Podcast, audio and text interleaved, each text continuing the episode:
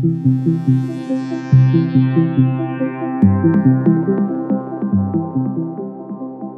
ու բարի գալուստ Միսուարյան ոդքասթ։ Ես Սամսոնն եմ, հետաքնող լրագրող եւ ոդքասթ պրոդյուսեր, աշխատում եմ Head Online թերթում։ Միսուարյան ոդքասթում ես ձեր հետ միասին բացահայտում եմ ծնողների եւ երեխաների բարդ եւ նուրբ հարաբերությունները։ Այս էպիզոդը ավելի շատ կրթական է, որովհետև ես հանդիպել եւ զրուցել եմ հոկեբան Անետ Շամիրյանի հետ, որը LGBT անձանց եւ նրանց ծնողների հետ աշխատելու մեծ փորձ ունի։ Հաջող աշխատել եմ սեռական կողմնորոշման եւ գենդերային ինքնության հետ կապված, սեռական բռնության դեպքերի հետ կապված, առհասարակ սեռականության հետ կապված հարցերով եւ ծեր տարիների ընթացքում եւ այդ աշխատանքային փորձը եւ արդեն տարբեր միջոցառումների, տարբեր աղբյուրների հետևելով ոնց որ ավելի սկսեցի զարգացնել, ավելի ոնց որ ընդլայնել այդ թեմայով հատկապես հոգեբանական աշխատանքը եւ LGBTQ մարդկանց հետ եւ իրանց ծնողների եւ բարեկամների հետ եւ համախոհների հետ Անետն ասում է, որ Հայաստանում մարդիկ սեռական եւ գենդերային հարցերով կրթություն գրեթե չեն ստանում ոչ ընտանիքում, ոչ դպրոցում կամ համալսարանում, ու սա այն գործոններից մեկն է, թե ինչի շատ հաճախ ծնողները չեն ընդունում կամ հասկանում իրենց երեխաներին, ուղղակի կա գիտելիքի պակաս։ Տեսեք, ներկայումս միջազգային այդ գիտական ոնց որ աշխարհում սեռական կողմնորոշումը համարվում է բազմագործոնային ոնց որ երևույթ։ Ինչպես որ մարդու մոտ կան ցանկացած այլ հատկանիշներ, ոնց որ սա նույնպես այդ գործոններից մեկն է եւ այդ առանձնահատկությունները ի հայտ են գալի հենց ծնված օրվանից ու այստեղ շատ կարևոր է որ ոնց որ ծնված օրվանից հայտ են գալի հետո իրանք ոնց որ մեր սոցիալիզացիայի ընթացքում ավելի զարգանում են ձևավորվում են ամրապնդվում են դա որակել որպես ընտրություն մի, մի տեսակ ոնց որ հակադրության է սրան գալի որ սա իծնա է լինում ոչ մեկ չի ընտրում դա Դրա համար ոնց որ կուզենայի նախ այդ մի հատ ոնց որ ֆիքսեինք մեզ համար, որ որպեսի բոլորին པարզ լինի մենք ինչ տեսանկյունով ենք նայում այս ամեն ինչին, այսինքն պետքա մեր ամբողջ ոնց որ մասնագիտական աշխատանքը հենված լինի գիտական աղբյուրներից, այն բոլոր միջազգային աղբյուրները, որոնք որ մեզ հավաստի տեղեկություն են տալիս։ Անետին խնդրեցի պատմել, թե ինչ հոգեբանական խնդիրների ու մարտահրավերների կարող են բախվել ծնողները, որոնց համար իրենց LGBT երեխաներին ընդունելը տարբեր պատճառներով բարդ է։ Անետն ասում է, որ գիտական առումով առանձնացնում են հիմնականում 4 փուլ, որի միջով կարող են անցնել ծնողները, երբ նրանց երեխաները coming out են անում։ Ուրեմն այդ փուլերից առաջինը շոկն է, երբ որ ծնողները իմանում են այդ ոնց որ ինֆորմացիան, երբ որ երեխան ազնվանում է իրանց մոտ, իրանց մոտ շոկային իրավիճակ է լինում, ոնց որ չեն կարող ընդունել, շատ բուրըն արձագանքներ կարան լինեն այս դեպքում։ Այդ շոկային փուլը ինքը կարող է մի քանի ժամից մինչև մի քանի օր, 2-3 շաբաթ կամ մի քիչ ավել ոնց որ տևի։ Բնականաբար շատ դժվար է ոնց որ այդ միանգամից այդ ինֆորմացիան իմանալը մարսելը շատ դժվար է։ Չնայած օրինակ հնարավոր է ծնողները ինչ որ բաներ կասկածած լինեն, ինչ որ ինֆորմացիա լսած լինեն եւ այլն, բայց երբ որ ակնհայտ ասվում է դա եւ իրանք առնչվում են, բախվում են այդ հարցի հետ, իրանց մոտ կարող է այդ շոկային ոնց որ փուլը լինի, չնայած իրանք ինչ որ բաներ ենթադրել են։ Երկրորդ փուլը մերժման փուլն է, որի ժամանակ ծնողները չեն ցանկանում ընդունել նոր իրականությունը, մերժում են նոր ինֆորմացիան։ Կարող է այդ փուլի ժամանակ իրենք սկսեն արժեզրկել, կարևորություն չտալ այդ հարցին, կամ ասենք փակեն այդ թեմաները սեռականության կամ նման հարցի շուրջ ոչ մի ոնց որ խոսակցություն չլինի արդեն տանը, փորձեն ոնց որ հնարավորինս չանդրադառնալ այդ հարցին ու շատ վիրավորական մեկ-մեկ կարող է ինչ-որ արտահայտություններով անգամ դիմեն կամ ասենք փակեն այդ թեման ինչ որ տես խոսակցություն բացվի, այն որ դե լավ եկեք գնանք հաց ուտենք օրինակ, որպեսզի շեղվի խոսակցությունը չգնա այդ ուղությամբ կամ օրինակ շատ է պատահում որ ասում են դե փուլա երիտասարդ է էսա կանցնի ոնց որ կմեծանա խելքը գլխին կհավաքի կանցնի ինչ որ տենց արտահայտություններով կամ օրինակ շատ ապատան որ ասում են ոչինչ կանցնի նորմալ մարդ կդառնաս էլի այդ նորմալը ճակերտների մեջ որովհետեւ ոնց որ նորմալը իրանց պատկերացմամբ այն հետերոնորմատիվ ոնց որ համակարգն է որի մեջ իրանք են եղել դրա համար ոնց որ հնարավոր այդ մեժման փուլը այսպեսի կարող է դրսևորվել տարբեր ոնց որ ասած արժեզրկելով վիրավորանքներով ոնց որ չեն կարող ընդունել դա Դրանից հետո այդ հարցերի փուլն է գալի, ամեն բոլոր մանրամասների հետ կապված, ամեն ինչի հետ կապված, իրանք սկսում են անընդհատ հարցադրել, որ ինչի այդպես եղավ, էս ինչ դժբախտություններ, մենք ոնց որ ասած Այս ինչ խնդրի մեջ ընկանք կա արդյոք մասնագետ, որ կբուժի մեր երեխային եւ այլն, ինչ որ sense անընդհատ հարցեր են լինում այդ դաստիարակ դաստիարակչական ոնց որ հարցերի հետ կապված, ինչը ես սխալ արեցի, իմ մեղքը որն էր, կամ այս դեպքում հաճախ ապատահում, որ սկսում են ծնողները մեկը մյուսին մեղադրել, օրինակ, չգիտեմ, եթե papan ավելի շատ ոնց որ զբաղվեր երեխաների դաստիարակությամբ, այդպես չէր լինի, բայց ես այսպիսի դաստիարակություն չտայի երեխաներին, այդ խաղալիքներով չպետք է երեխան խաղա, նման ինչ որ անընդհատ հարցեր են լինում իրանց մոտ, որը բնականաբար ոնց որ գիտական առումով այստեղ ոնց որ չկա տենց ինչ որ բան, որ եթե այս խաղալիքով խաղա կամ եթե չգիտեմ, papan արտասահմանումը աշխատել այդ դեպքում մենք կունենանք նման բան, բայց բնականաբար ծնողների մոտ այդ հարցերը չափից շատ կարող է լինեն։ Վերջին փուլը որոշում կայացնելու փուլն է։ Այստեղ ոնց որ ծնողները սկսում են կամ մերժում են, անդադ կոնֆլիկտներ են լինում այդ ամեն ինչի հետ կապված, երեխաների հետ կապված չեն կարող դեռ ընդունեն ու իրանք ոնց որ այն որոշումն են կայացնում, որ իրանք չեն ընդունում դա։ Կարող է լինել ոնց որ ասած իրանք սահմանափակ են այս դեպքում ին նկատի ունեմ, այսինքն սահմաններ են դնում։ Այս թեմայի մասին էլ մենք չենք խոսում ու վերջ, վերջացավ, հասկացանք, լավ, անցանք առաջ, վերջ, էլ այս թեմային չենք անդրադառնում։ Եվ հնարավոր է տարբերակ, երբ որ ծնողները ոնց որ ընդունում են իրականությունը, իրենց երեխաների ոնց որ ինքնության հետ առնչվում են եւ սկսում են արդեն երեխային աջակցել այդ ամեն ինչ, այդ ճանապարհով անցնելու համար եւ այլն։ Ու սա արդեն ոնց որ այն ամենավերջին փուլն է, որը մենք ունենում ենք։ Հիմնականում ոնց որ գիտական առումով այս մի քանի տարբեր փուլերն են, որ մի քիչ հեշտացնում են ոնց որ այդ ամբողջ սխեման տեսնելու հետ կապված բայց այստեղ նաև ոնց որ շատ դժվար է բնականաբար ծնողների համար առնչվել այդ իրականության հետ մանավանդ որ իրանք էլ չունեն հավաստի ոնց որ աղբյուրներ կամ նորմալ է որ իրանց մոտ առաջանում է ցանկություն խոսելու, կիսվելու, ինչ որ այդ իրանց վախերի, մտահոգությունների, այդ ամեն ինչի մասին իրանք էլ են ուզում խոսել, կիսվել, հասկանալ ինչ է կատարվում, բայց իրանք էլ չունեն տարածք իրանք էլ չունեն այդտեղ ոնց որ ասած մարդիկ, ում հետ կկարողանան շատ ազատ այս ամեն ինչի մասին խոսել, որտեվ հասարակությունը չի ընդունում այս թեմայի մասին ոչ մեկ չի խոսում կամ ասենք, չգիտեմ, ինչ խայտարակություն կլինի, եթե ես դրա մասին պատմեմ քրոջս կամ չգիտեմ, մորս կամ մեր հարևանին կամ բարեկամին եւ այլն։ Մի խոսքով ուզում եմ ասեմ, ոնց որ այդ իրանց վիճակն էլ ծնողների համար շատ դժվար է, որտեղ իրանք էլ չունեն ոչ մի աջակցող, ոնց որ ասած, հենակետ, որը որ կկարողանա օգնի իրանց մի քիչ ավելի հեշտ անցնել այս փուլերի միջոցով, մեջով, մի քիչ ավելի ոնց որ կարողանան իրանք էլ հարմարվեն այդ իրականությանը, ընդունեն այդ իրականությունը, մանավանդ եթե հաշվի առնենք, որ հիմա ցավոք սրտի լիքը մասնագետներ կան կամ աղբյուրները համացանցում կան, որ շատ սխալ տեղեկություններ են տարածում կամ ասենք մասնագետներ, որ ասում են իրանք կբուժեն երեխաներին, որպես իրանք չլինեն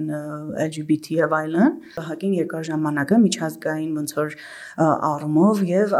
համաշխարհային առողջապահական կազմակերպությունը եւ ոնց որ հոգեբանական ոնց որ տարբեր միություններ եւ կազմակերպություններ հանել են դա հիվանդությունների եւ հոգեկան խանգարումների ցանկից։ Մեր աշխատանքը մասնագետի աշխատանքը ցանկացած կարևոր չէ հոգեբան է, բժիշկ է, սոցիալական աշխատող է եւ այլն, պետք է հիմնված լինի այդ միջազգային փաստաթղթերի վրա։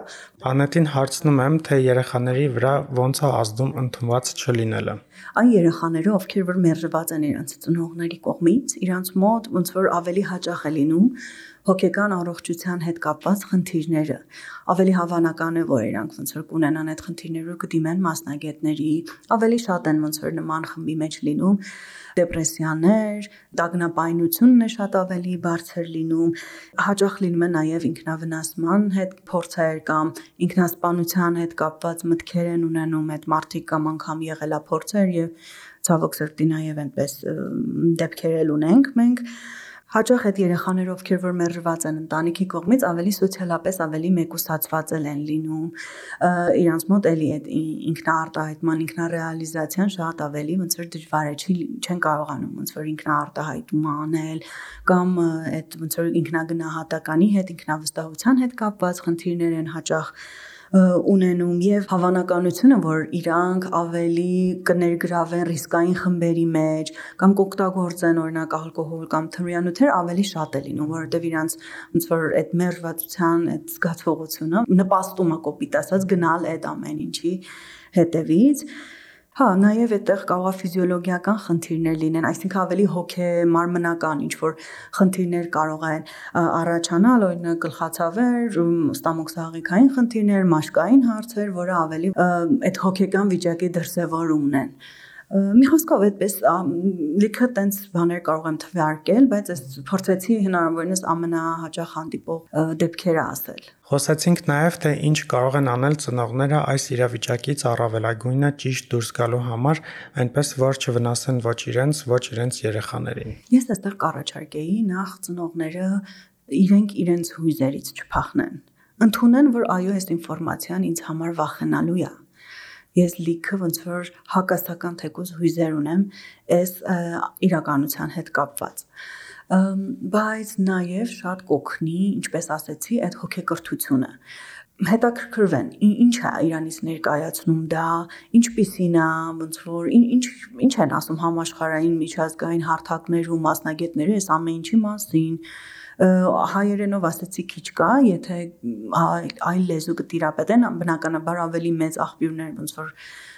կլինեն անգլերեն կամ այլ լեզուներով, բայց նաև հայերենով հնարավոր է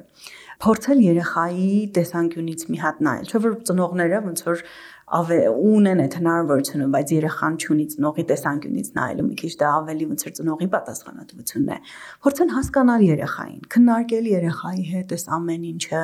մի հատ իրա ոնց որ տեսանկյունն էլ հասկանան այս ամեն ինչի մասին, որտեղ իրական երեխաների մոդել են լինում շատ հույզեր, իրենք մինչև ազնիվ ազնվանալը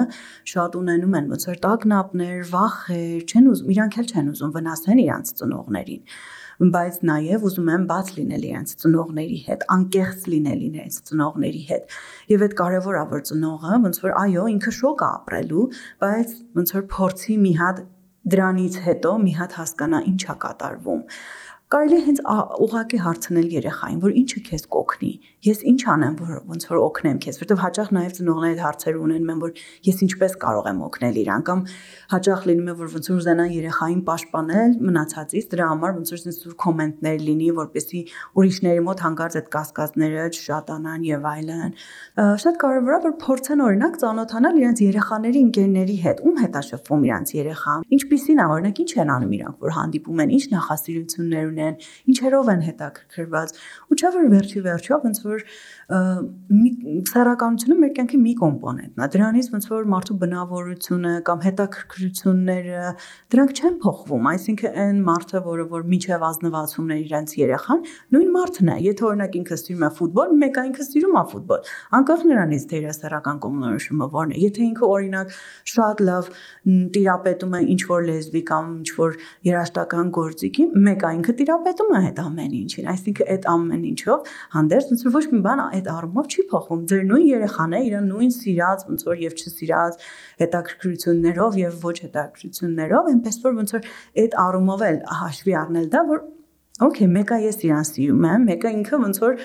լավ մարդ է, ինքը հաջողակ է, մեկը ինքը փորձում է ոնց որ լինել շատ պարտաճանաչ եւ պատասխանատու քաղաքացի հասարակության մեջ։ Դրանից չի փոխվում ոչ մի բան։ Բայց ոնց որ այո, ինքը ունի այլ ոնց որ կողմնորոշում, որը չի համապատասխանում հասարակության մեծամասնությանը, մի քիչ դժվար է լինելու ոնց որ դա Նաև այստեղ շատ ծնողներին կարող է օգնել, երբ որ իրենք սկսում են ճանոթանալ, հանդիպել այն ծնողների, ովքեր այս ամեն ինչի միջով արդեն անցել են։ Այդ օգնում է ծնողներին, որպեսզի կարողանան ավելի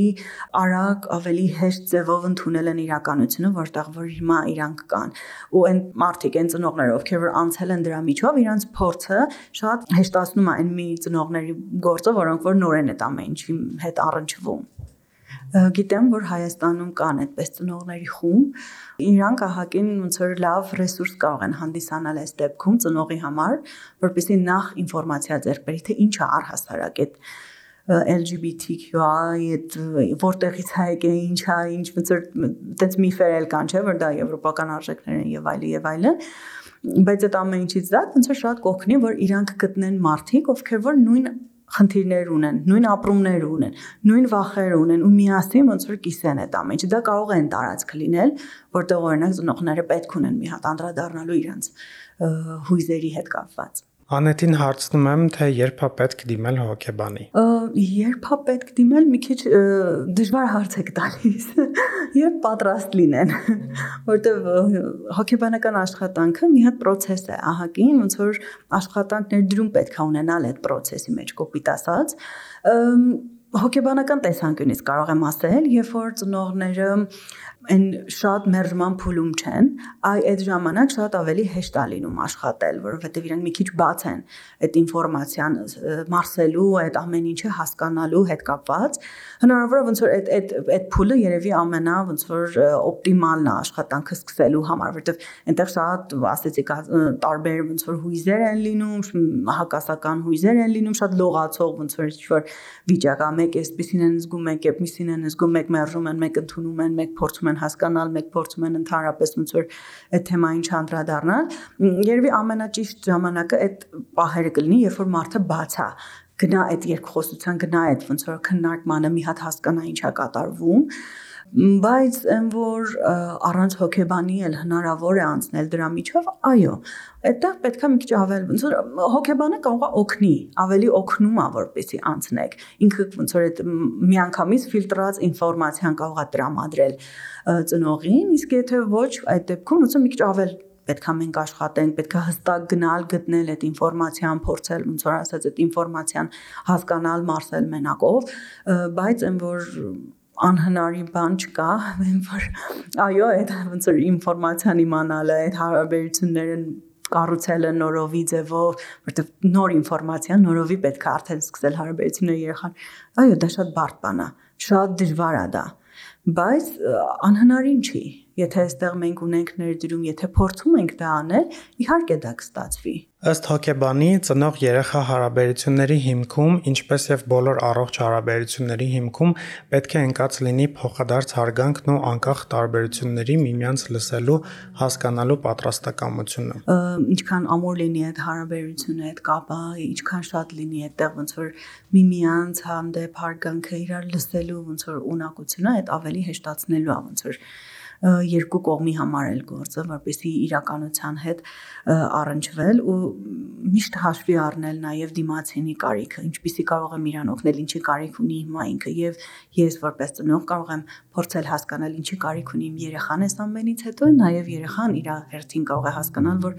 օքեյ, իմ ծնողը ինչ ոնց որ կարիք կունենա այս ամեն ինչից հետո, ոնց կարող եմ ես իրան օգնել։ Վերջում ուզում եմ ասել, որ հոգեբանին դիմելու մեջ ամոթ բան չկա։ Առողջ մարմին ունենալու համար մենք պիտի ֆիզիկապես ակտիվ լինենք ու սպորտով զբաղվենք։ Նույն ձև էլ հոգեկան առողջության համար մենք պիտի ինքներս մեզ հասկանանք, հասկանանք մեր հույզերը ու գնանք հոգեբանի, երբ դրա կարիքը զգում ենք։ Այս էպիզոդի համար այսքանը։ Շնորհակալություն, որ լսեցիր։ Միս ու Արյուն նախագծին աջակցելու համար կարող ես տարածել մեր էպիզոդները, like, share, subscribe։ Եթե Apple Podcast հավելվածով ես լսում Միս ու Արյունը, խնդրում եմ գնահատիր մեզ, դիր 5 աստղ, որպեսզի ավելի շատ մարդիկ տեսնեն մեր էպիզոդները։ Հաջորդ շաբաթ կհրապարակենք շարքի վերջին էպիզոդը։ Մինչ